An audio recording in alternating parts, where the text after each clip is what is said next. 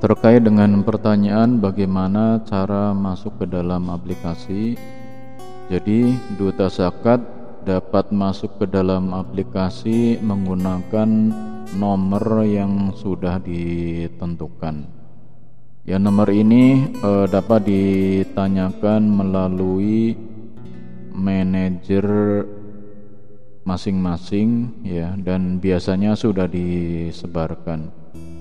Untuk eh, ke depannya nanti eh, login dapat menggunakan email yang sudah diisi di dalam prof, profil dari masing-masing duta zakat.